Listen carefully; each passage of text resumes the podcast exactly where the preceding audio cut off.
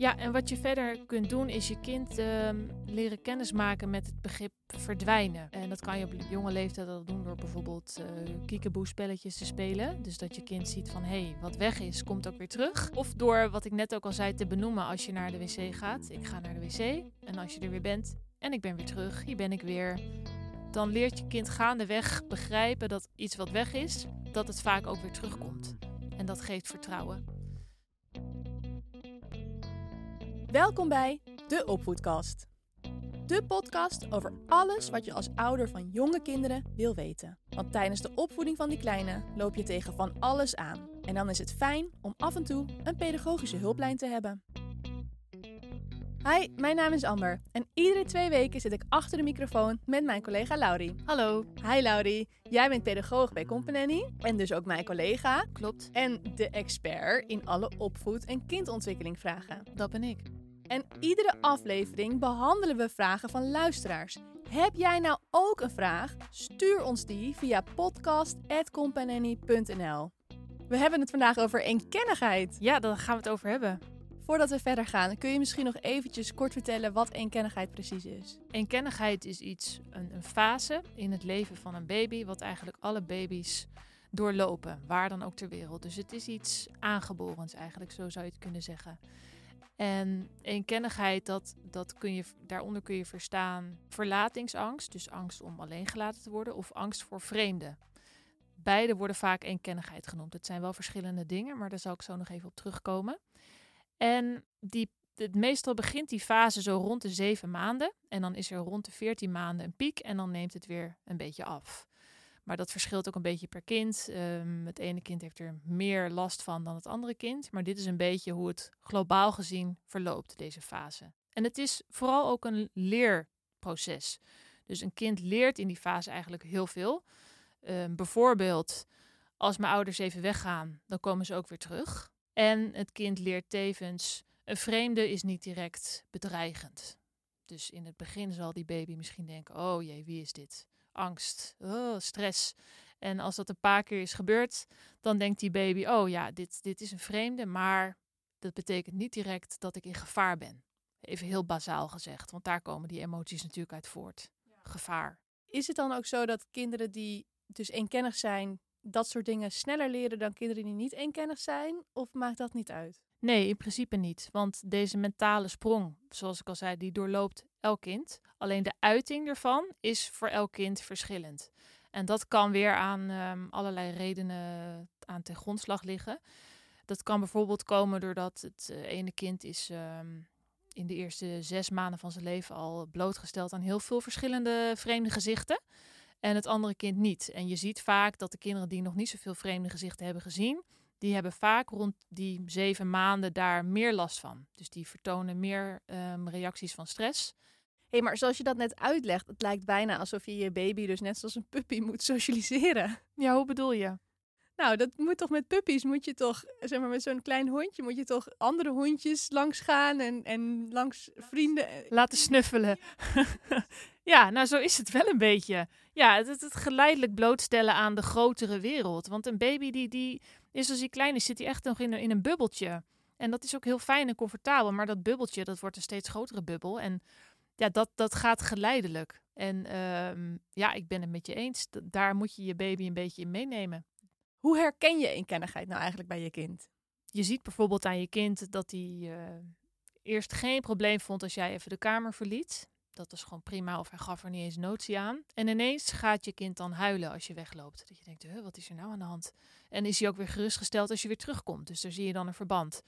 Um, het kan ook zijn dat je kind ineens in paniek raakt als een vreemde hem aanspreekt. Of soms alleen al aankijkt. Bijvoorbeeld een cashier in een supermarkt of zo. Dat je kind in één keer helemaal. Dat je denkt, wat is dit?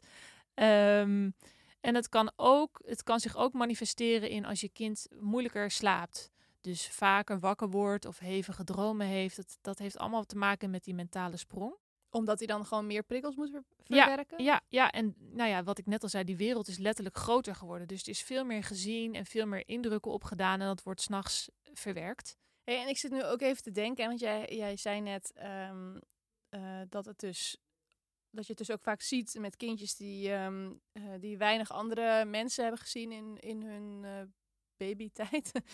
maar op het kinderdagverblijf zijn kindjes vanaf, nou, laten we zeggen, drie maanden daar aanwezig. Zien ze een heleboel andere kinderen, een heleboel andere volwassenen.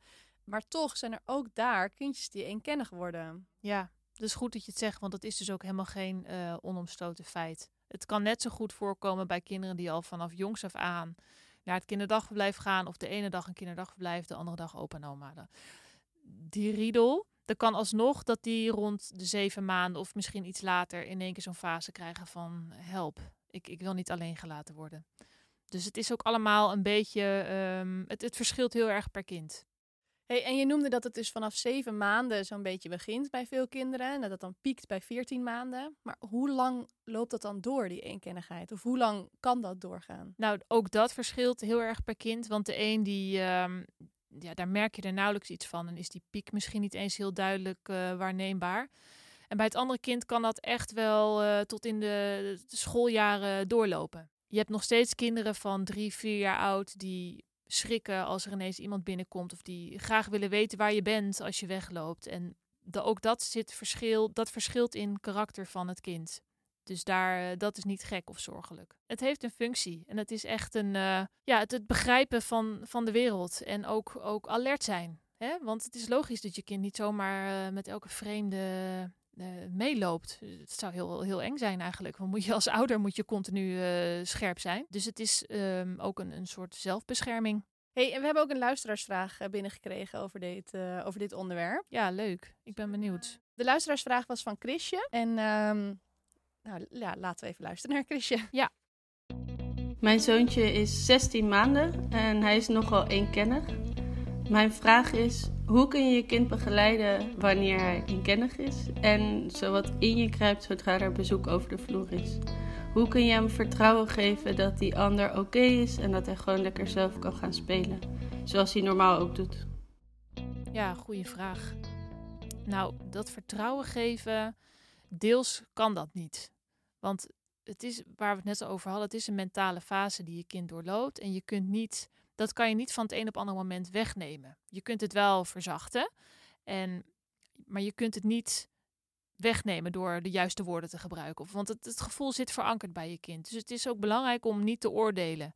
Dus, dus niet dingen te zeggen als, joh, stel je niet aan. Uh, het is oma maar, weet je wel. Uh, want uh, misschien heeft je kind oma een hele tijd niet gezien. Het is al goed. Ja, ehm, dus als je kind wil wegkruipen, laat hem even wegkruipen. En zet daarbij ook je eigen gevoel van ongemak opzij. Want dat speelt natuurlijk ook vaak een rol. Stel in dit geval, ik noem weer even oma. Dat is ik, mijn moeder bijvoorbeeld. Die komt binnen en uh, mijn zoon die, die, die kruipt weg. Of die, dat je denkt, nou, wat, wat is dit nou? Dit is gewoon mijn moeder. En dan voel je je ongemakkelijk. Dan denk je, oh god, wat raar. Weet je wel, wat zal ze dan niet denken? Um, maar het is niet persoonlijk. Ook niet naar oma. En als oma dat niet begrijpt en oma is wel beledigd, nou leg het dan even uit. Maar dat verzachten voor je kind, hoe kun je dat dan doen? Nou, je kunt. Wat, wat kinderen vaak doen is, uh, vooral jonge kinderen, als ze nog niet zo goed kunnen praten, die gaan heel erg zoeken naar informatie. Want hè, er stapt een vreemde binnen. En dan denkt dat kind, oké, ik weet niet wie dit is. En wat ze dan doen, is ze gaan kijken naar jou. Want jij bent de, de veilige persoon. Uh, en dat doen ze door, uh, ze zoeken bijvoorbeeld oogcontact. Of ze kijken naar je gezicht. Dus wat je kunt doen is uh, glimlachen hey, de buurvrouw komt binnen. En even, even benoemen, vertellen wat er gebeurt, informatie geven. Want dat kan een kind al heel erg geruststellen. Um, dus ook als een baby in dit geval dus naar jouw gezicht kijkt en die ziet een ontspannen gezicht hè, of een lach, dat kan al echt heel veel informatie geven. En um, dus ook woorden geven aan wat er gebeurt. Dus hé, hey, daar is oma. En ook hierbij eh, geldt weer dat kinderen en baby's ook al veel meer begrijpen dan wij als volwassenen denken. Ja, en soms kunnen um, mensen ook kinderen vrij heftig benaderen. Goed bedoeld, maar dat is niet voor alle kinderen fijn. En je kunt ook best je bezoek van tevoren informeren. Als jij weet dat je kind in een fase zit waarin hij het echt lastig vindt als er zomaar mensen uh, op bezoek komen of het huis binnenstappen. Dan kan je best even zeggen van joh, uh, weet je, even rustig aan, want hij moet altijd even wennen of even aarden. Ik, ik weet nog zelf heel goed dat ik uh, kraamvisite kreeg. Nou, toen was mijn baby, uh, weet ik het, zes weken, zeven weken oud. En die, deze persoon in kwestie, die kwam binnen En mijn kind lag in de box. En die zei, nou, die was denk ik drie seconden binnen. En die zei zo, jij moet even opgepakt worden. En die tilt zo mijn baby uit de box. Het is dat mijn kind zes weken oud was. En dus nog niet op zoek was naar mijn blik. Want dat, was hij nog niet mee bezig. Zover kon hij nog niet eens kijken. Maar anders had hij mijn blik waarschijnlijk gezien van... Oké, verstarring. Wat is dit? En was hij in totale paniek geraakt. Maar ik was daar even gewoon van uh, omvergeblazen. Ik vond dat heel apart. Um, dus nou ja, en ook al denk jij zelf, ja, dat doe je toch niet. Ja, sommige mensen die doen dat gewoon. Dus dat geldt ook voor een peuter. Die komen binnen en die, en die gaan meteen op die peuter af en die schrikt zich helemaal kapot. Dat, dat doen mensen soms. Ja. Dus als je dat van tevoren weet, dan kan je best je bezoek ook even informeren. Dat is helemaal niet gek. Ja, hoe leuk het ook voor die volwassenen is om gelijk te knuffelen en te spelen. Um, voel even de sfeer aan. Ja, tast even af hoe het kindje erin staat. Ja, en, en forceer ook niet onnodig. Dus in het geval van oma, waar we het net eerder over hadden, dat je met dat gevoel blijft zitten van ja, maar hij kent oma toch. Dat je dan zegt, joh, hier, ga maar even lekker bij oma op schoot zitten. Dat, dan moet je ook niet gaan doen, want dan forceer je het, dan wordt je kind waarschijnlijk nog, um, um, nou ja, angstiger. Of denkt, oh, dit wil ik helemaal niet. En dan, dan maak je het eigenlijk alleen maar erger. En het is ook wel, denk ik, we hebben al vaker in andere afleveringen ook genoemd dat je goed als ouder moet opletten op wat de behoefte van je kind is en wat de behoefte van jou als ouder is. Ja, ja. En de behoefte van jou als ouder, die moet je in sommige gevallen even opzij zetten. Dat is wel lastig. Maar als je dat gevoel van ongemakkelijkheid, van oh, probeer echt even namens je kind te denken. En te denken, nou, dan vindt die visite dat maar gek. Kan mij het schelen. Zijn er nog meer dingen die Chrisje kan doen? Ja, en wat je verder kunt doen is je kind um, leren kennismaken met het begrip verdwijnen. En dat kan je op jonge leeftijd al doen door bijvoorbeeld uh, kiekeboe-spelletjes te spelen. Dus dat je kind ziet van, hé, hey, wat weg is, komt ook weer terug. Um, of door, wat ik net ook al zei, te benoemen als je naar de wc gaat. Ik ga naar de wc en als je er weer bent en ik ben weer terug, hier ben ik weer. Dan leert je kind gaandeweg begrijpen dat iets wat weg is, dat het vaak ook weer terugkomt. En dat geeft vertrouwen. En je kunt ook op het moment als je uit zich bent, kun je ook uh, blijven praten. Dus als je op de wc zit en je weet dat je kind uh, die vindt dat lastig, dan blijf je gewoon tegen je kind kletsen of je zingt een liedje. Even heel reëel. Soms dan ben je best wel eventjes weg om te koken of de was op te hangen. Um, en dan is het toch niet altijd haalbaar om de hele tijd te blijven praten of zingen. Of uh, soms ben je eventjes weg omdat er iemand aan de deur is en dan uh, moet je die persoon te woord staan. Dan is het ook niet haalbaar om te blijven praten tegen je kindje. Nee, nou, en dan is je kind dus waarschijnlijk even verdrietig. En dan kom je daarna weer terug en dan kan je troosten en uh, uitleggen wat er is gebeurd. Dus je hoeft ook niet al die momenten van verdriet te voorkomen, want dat is niet te doen. Die zijn er. Maar gaandeweg zal je kind gaan vertrouwen op het feit van, oh ja, weet je, mama of papa loopt weg en komt ook weer terug. We hebben nog een luisteraarsvraag, Laurie. Uh, deze is van Jolijn. En Jolijn vraagt zich het volgende af. Hoi, ik heb een vraag. Onze dochter heeft uh, namelijk sinds een tijdje echt hele sterke voorkeur voor haar vader. Ja, die roept ze als ze hulp nodig heeft en als er iets gebeurt, dan zegt ze: Nee, nee, ik wil papa als ik in de buurt ben. Um, ik vind het best wel een beetje frustrerend en ja, om eerlijk te zijn, kwetst het me ook af en toe wel. Hoe kan ik hier nou goed mee omgaan? Dit is heel herkenbaar. Ik heb dit ook. Ja, herkenbaar voor jou? Ja, en dat kan alle kanten op gaan. Dus de ene keer dan, dan moet ik alles doen. Om totaal voor mij dan onbegrijpbare reden. En uh, het andere moment moet mijn vriend alles doen. ja, we begrijpen het niet. Um, het is, in de basis is het wel iets anders dan eenkennigheid. Maar het is wel iets wat heel veel voorkomt bij ouders met kinderen. Kinderen gaan zo'n fase vaak door. Soms ook wel in, na een tijd weer niet en dan ineens weer wel. En het wisselt dus ook af. Het wisselt ook af, ja. Tenminste, in mijn geval wel. En het, het, het, zal, het, er zullen vast ook kinderen zijn die überhaupt heel erg aan één ouder hangen. Dat wordt dan vaak een papa's kindje of een mama's kindje genoemd, weet je wel. Um, maar ja, hoe is dit nou te verklaren? Het kan verschillende verklaringen hebben. Het kan bijvoorbeeld komen door de ouder die meer aanwezig is bij het kind, dat die de voorkeursbehandeling heeft, zeg maar. Dus de ouder die veel verzorgtaken op zich neemt, um, of die er gewoon fysiek vaak is. Um, in de babytijd is dat vaak de moeder, omdat die bijvoorbeeld borstvoeding geeft. Dus dan is er al veel meer verzorging en meer één op één momenten met het kind.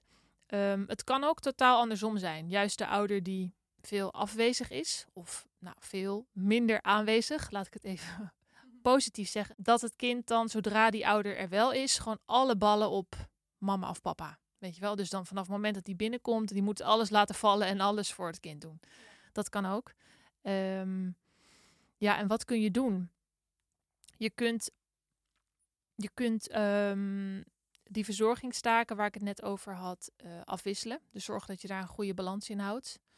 Ook bij jonge baby's. Dus bijvoorbeeld de moeder geeft borstvoeding. Dus er is veel ja, één op één moment, één op één contact, huid op huid contact. Dan kan, je, dan kan de andere ouder kan het kind bijvoorbeeld ook wat vaker dragen of bij zich houden. Luiers verschonen. Dus dat je een goede afwisseling erin houdt. Of de fles met borstvoeding erin geven. Ja, en het, het kan ook, het hoef je niet per se te veranderen, maar het kan ook met opvoedstijl te maken hebben. Dus op een gegeven moment, dan heb ik het meer over de peuterleeftijd, weet het ene kind, bij papa krijg ik dat beter gedaan dan bij mama, of andersom. Dus moet papa dat ook altijd doen. Heb je daar een voorbeeld van? Uh, ja, dat heb ik wel. Vindt mijn vriend vast leuk. Uh, als, uh, als, ik, als ik mijn zoon naar bed breng, dan ben ik altijd wat strikter. Dus we, we lezen één boekje. That's it. Hij probeert altijd een tweede of een derde of een vierde. Bij mij is het nee. Bij mijn vriend is het nou, oké. Okay. Oké, we doen nog een boekje. En Hoor soms nog geen. Dus daarin verschillen wij. En dat is helemaal niet erg, want je hoeft helemaal niet uh, precies hetzelfde te zijn. Je hebt je eigen normen en waarden en je eigen maniertjes. Maar daardoor heeft hij af en toe wel zoiets van, nou, papa mag mij wel even naar bed brengen. Ja, zo gaat dat. Weet je, dat is echt een, een, peuterleeftijd. Gewoon haar fijn aanvoelen. Bij die ene ouder kan ik dit gedaan krijgen, bij de ander dat. Dat, dat voelen ze super goed aan. Dus daar kan ook een bepaalde voorkeur dan in één keer vandaan komen. En het is vaak ook tijdelijk. Dus je moet het gewoon vooral niet persoonlijk opvatten. Klopt. Ja, neem het niet persoonlijk. En zie het ook niet als een, als een afwijzing. Dus als je kind per se wil dat papa helpt met aankleden, prima. Als papa beschikbaar, laat dat even zo. Je hoeft niet overal een, uh, een, een, uh, het gevecht aan te gaan. Dat is ook vermoeiend. Um, maar daarnaast maak ook wel afspraken, ook met je kind. En als het niet kan, dan kan het even niet. Dus in het geval van, maar papa moet mij aankleden. Ja, papa die moet uh, over vijf minuten naar zijn werk, dus ik kleed je nu even aan. En ook als je kind gaat waarschijnlijk dan zeggen, nee, maar ik wil toch dat papa me aankleedt of die gaat een, een scène trappen, dat gebeurt bij mij thuis ook, dan uh, laat maar even gaan die scène en wees gewoon heel duidelijk van, joh, ik ben hier om je aan te kleden en anders dan laat ik je nu even en dan hoor ik het wel wanneer ik je kan helpen. Zijn er nog andere dingen die je mee wil geven? Um, nou, kijk, echt afwijzen doet een kind nooit. Niet in zijn hart. Dus in, in woorden of in daden doet hij dat wel. Sommige kinderen kunnen ook uh, vanaf een bepaalde leeftijd. Jij bent super stom. Of ik vind jou echt een rot mama of zo. Dat doet hij van mij gelukkig nog niet, maar die is nog jong. Dat zal vast komen. Die, die wordt ook nog wel gemeen. ja, dat denk ik wel. Maar dat, dat is natuurlijk gewoon niet leuk. Maar probeer toch, ondanks dat het je misschien raakt, toch te denken: dit is niet persoonlijk. En in een kind wijst in zijn hart nooit zijn ouders af. Dus probeer het zo te zien. Nog een laatste boodschap? Nou, probeer um, ook niet om liefde af te dwingen. Dus als je kind, dus je, zegt bijvoorbeeld, kom, ik wil even een knuffel. Of nee, nee wil ik niet. Dat je dan heel um, zielig gaat doen. Van, ah, maar ik wil, kan mama echt niet even knuffel krijgen of zo. Laat het ook even gaan. Dus dat heeft ook weer te maken met dat als je je afgewezen voelt, dat je dan probeert om die, die liefde van je kind terug te krijgen. Ja, het is ook een stukje respect, denk ik. Dat, dat je, natuurlijk ben je sip of verdrietig als je geen knuffel krijgt. Of als jij uh, niet ja, gekozen, heeft tussen aanhalingstekens, uh, gekozen wordt. Um, maar het is ook ergens wel een klein beetje manipulatief. Want als jouw kind zegt, nee, ik wil dit, maar niet dat. Ja, dan moet je dat ook gewoon respecteren. En dan een andere keer komt hij wel weer naar jou. Ja, ja, zo is het. En, en maak er ook geen wedstrijd van met je partner, weet je wel. Van, oh, zie jij... Uh nou wil hij toch weer mij. Of uh, dat is ook vervelend. Zie het echt als een, als een fase waarin je kind nou ja, bezig is ook met het aftasten van grenzen. En um, het is niet iets persoonlijks toe naar, naar jullie als ouders. Mooi. Ik, ik heb toch nog even één ding waar ik uh, ook nog benieuwd naar ben, Laurie. Toen ik nog op de groep werkte, toen uh, had ik heel vaak kindjes die het echt heel moeilijk hadden met het afscheid. Dan werden ze ochtends gebracht door papa of mama en dan, dan hadden ze echt de grootste moeite met het, uh, ja, het gedag zeggen. En niet alleen de kindjes, maar ook papa en mama vonden dat heel erg moeilijk. Want het kindje ging dan huilen, papa en mama wilden niet weg. En ja, wat moet je dan doen? Um, wat kun je in zo'n geval doen? Ja, dat is, echt, dat is echt rot. Je gaat echt niet lekker naar je werk als je je kind brullend achter moet laten. Dat is echt, dat is vreselijk. Dat ja, gaat, dat pijn in je hart. ja, dat gaat door merg en been. Dat is echt niet leuk. Wat je toch het beste kunt doen, is, is een, een ritueel maken van het afscheid. Dus het op dezelfde manier doen, elke dag of elk moment dat je er bent. Ehm, zodat het een herkenbaar iets wordt voor je kind. En het ook toch proberen kort en bondig te houden. Want wat je vaak ziet is dat ouders dan denken: Oh, ik, ik kom toch nog even terug. Hè? Want nou, dan geef ik nog even een laatste knuffel. Of, of dan kan hij me nog even zien. En dat maakt het, dat is het uitstel van executie. Want het wordt eigenlijk alleen maar moeilijker. En, en je kind begrijpt dan ook niet van wanneer ben je dan wel echt weg. Dus Heel verwarrend lijkt het me. ja, heel. Dus ondanks dat het echt pijn doet in je hart. Als je hebt gezegd dat je gaat, ga dan ook. En, ehm, En niet nog twee minuten bij de deur blijven nee, zwaaien. Nee, nee, echt niet. Nee, het, het is heel moeilijk, maar probeer dat niet te doen. Want dat maakt uiteindelijk het afscheid nemen echt makkelijker. En, Ehm, eh, wat wel kan, is dan natuurlijk... Stel dat je buiten nog een keer door het raam kijkt en nog een keer zwaait. Dan is dat wel oké, zolang het kort blijft. Als dat tenminste een deel van je ritueel is. ja, als je dat elke dag zo doet, van hé, ik loop nu weg, ik zwaai nog even naar het raam en dan loop ik naar de fiets, weet ik veel. Dan, dan hoort dat erbij. Dus dan is dat ook een punt van herkenning, wat, wat hoort bij dat proces van afscheid. En wat, wat ook, wat je echt niet moet doen, is eh, wegglippen. Wacht, mag ik nog één ding vragen voordat je hierover Ja. begint? Ehm, kun je misschien een voorbeeld geven van ehm, wat voor een ritueel ouders hiervan kunnen maken? Ja, zeker. Je kunt bijvoorbeeld, ehm, nou dat was eigenlijk voor coronatijd, dan zou je kunnen zeggen ik lees één boekje. Dus je geeft je kind wel even de tijd om even te aarden. Oh ja, we zijn nu op, eh, op het kinderdagverblijf, op de groep. Ik lees even een boekje voor en dan ga ik weg. In deze tijd is afscheid nemen sowieso heel moeilijk, want als ouder mag je eigenlijk niet verder dan de drempel. Ehm, dus dat vermoeilijkt de zaak echt enorm, want daarmee kun je niet onderdeel zijn van het wennen aan de nieuwe omgeving. Dus dat is best wel heel lastig voor ouders. Dit is, dit is natuurlijk best wel een moeilijke tijd voor ouders. Dat ervaar ik zelf ook. Dat ik mijn kind dus inderdaad letterlijk bij de drempel eh, af moet geven. En het scheelt dat mijn kind voordat corona uitbrak al een tijdje naar dat kinderdagverblijf ging. Dus hij was gewend. Maar alsnog is het is niet fijn.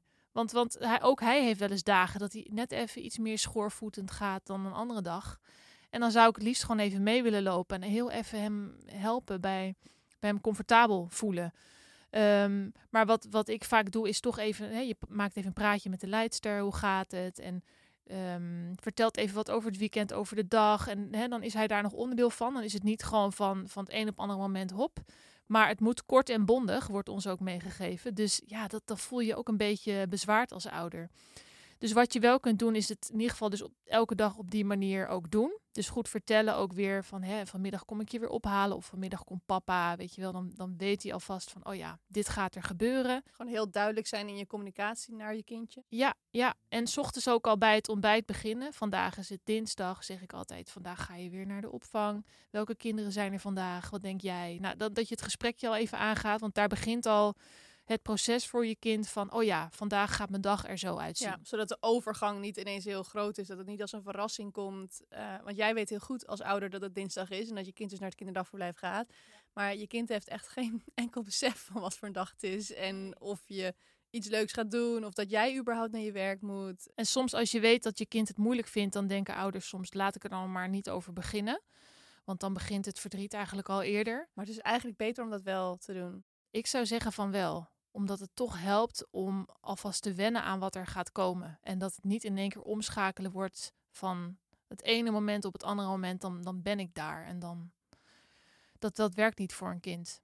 En zijn er nog meer dingen die je als ouder eh, kunt doen? Of juist niet moet doen? Mm, nog één ding wat ik wilde meegeven over dat afscheid nemen. Ehm, als je wel weer het kinderdagverblijf binnen mag, hopelijk binnenkort, dan ehm, glip niet ongemerkt weg. Dus het is heel verleidelijk om te denken van, oh, ik heb mijn kindje daar neergezet en hij eh, is lekker gaan spelen of hij heeft iets interessants gezien waar hij naar aan het kijken is en hij ziet mij niet meer.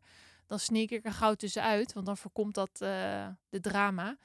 Doe dat niet, want dat maakt het echt heel onveilig voor je kind. Want dat geeft hem eigenlijk de boodschap: papa of mama kan zomaar ineens weg zijn. Dus ook als je kind lekker aan het spelen is, ga dan alsnog, benoem alsnog: ik ga nu weg. Kom je vanmiddag weer ophalen, zodat je kind wel weet van: oh ja, ook als dat leidt tot tranen, dan is de leidster daar om je kind te troosten. Ja, en in mijn ervaring is het ook altijd zo dat als kindjes mega veel moeite hebben met afscheid nemen van papa of mama, binnen één minuut is, is het altijd al wel weer voorbij. En ehm, weet je, de leidsters op kinderdagverblijf zijn ook natuurlijk gewoon eh, veilige personen voor je kindje, waar ze zich ook aan hechten en ehm, waar ze zich ook door laten troosten. Hoe moeilijk het ook is als ouder, het, het, het ja, het komt altijd goed. Ja, en anders bel je even. Ja. Een half uur later. Ja. Of wanneer voor jou fijn is. Van joh, hoe, eh, hoe hangt de vlag erbij? Dan stelt dat misschien weer even gerust voor de rest van je werkdag. Ja, dat was hem weer, Laurie. Heb jij nou ook een vraag? Mail ons dan naar podcast.companany.nl of stuur ons gewoon even een berichtje via Facebook of Instagram.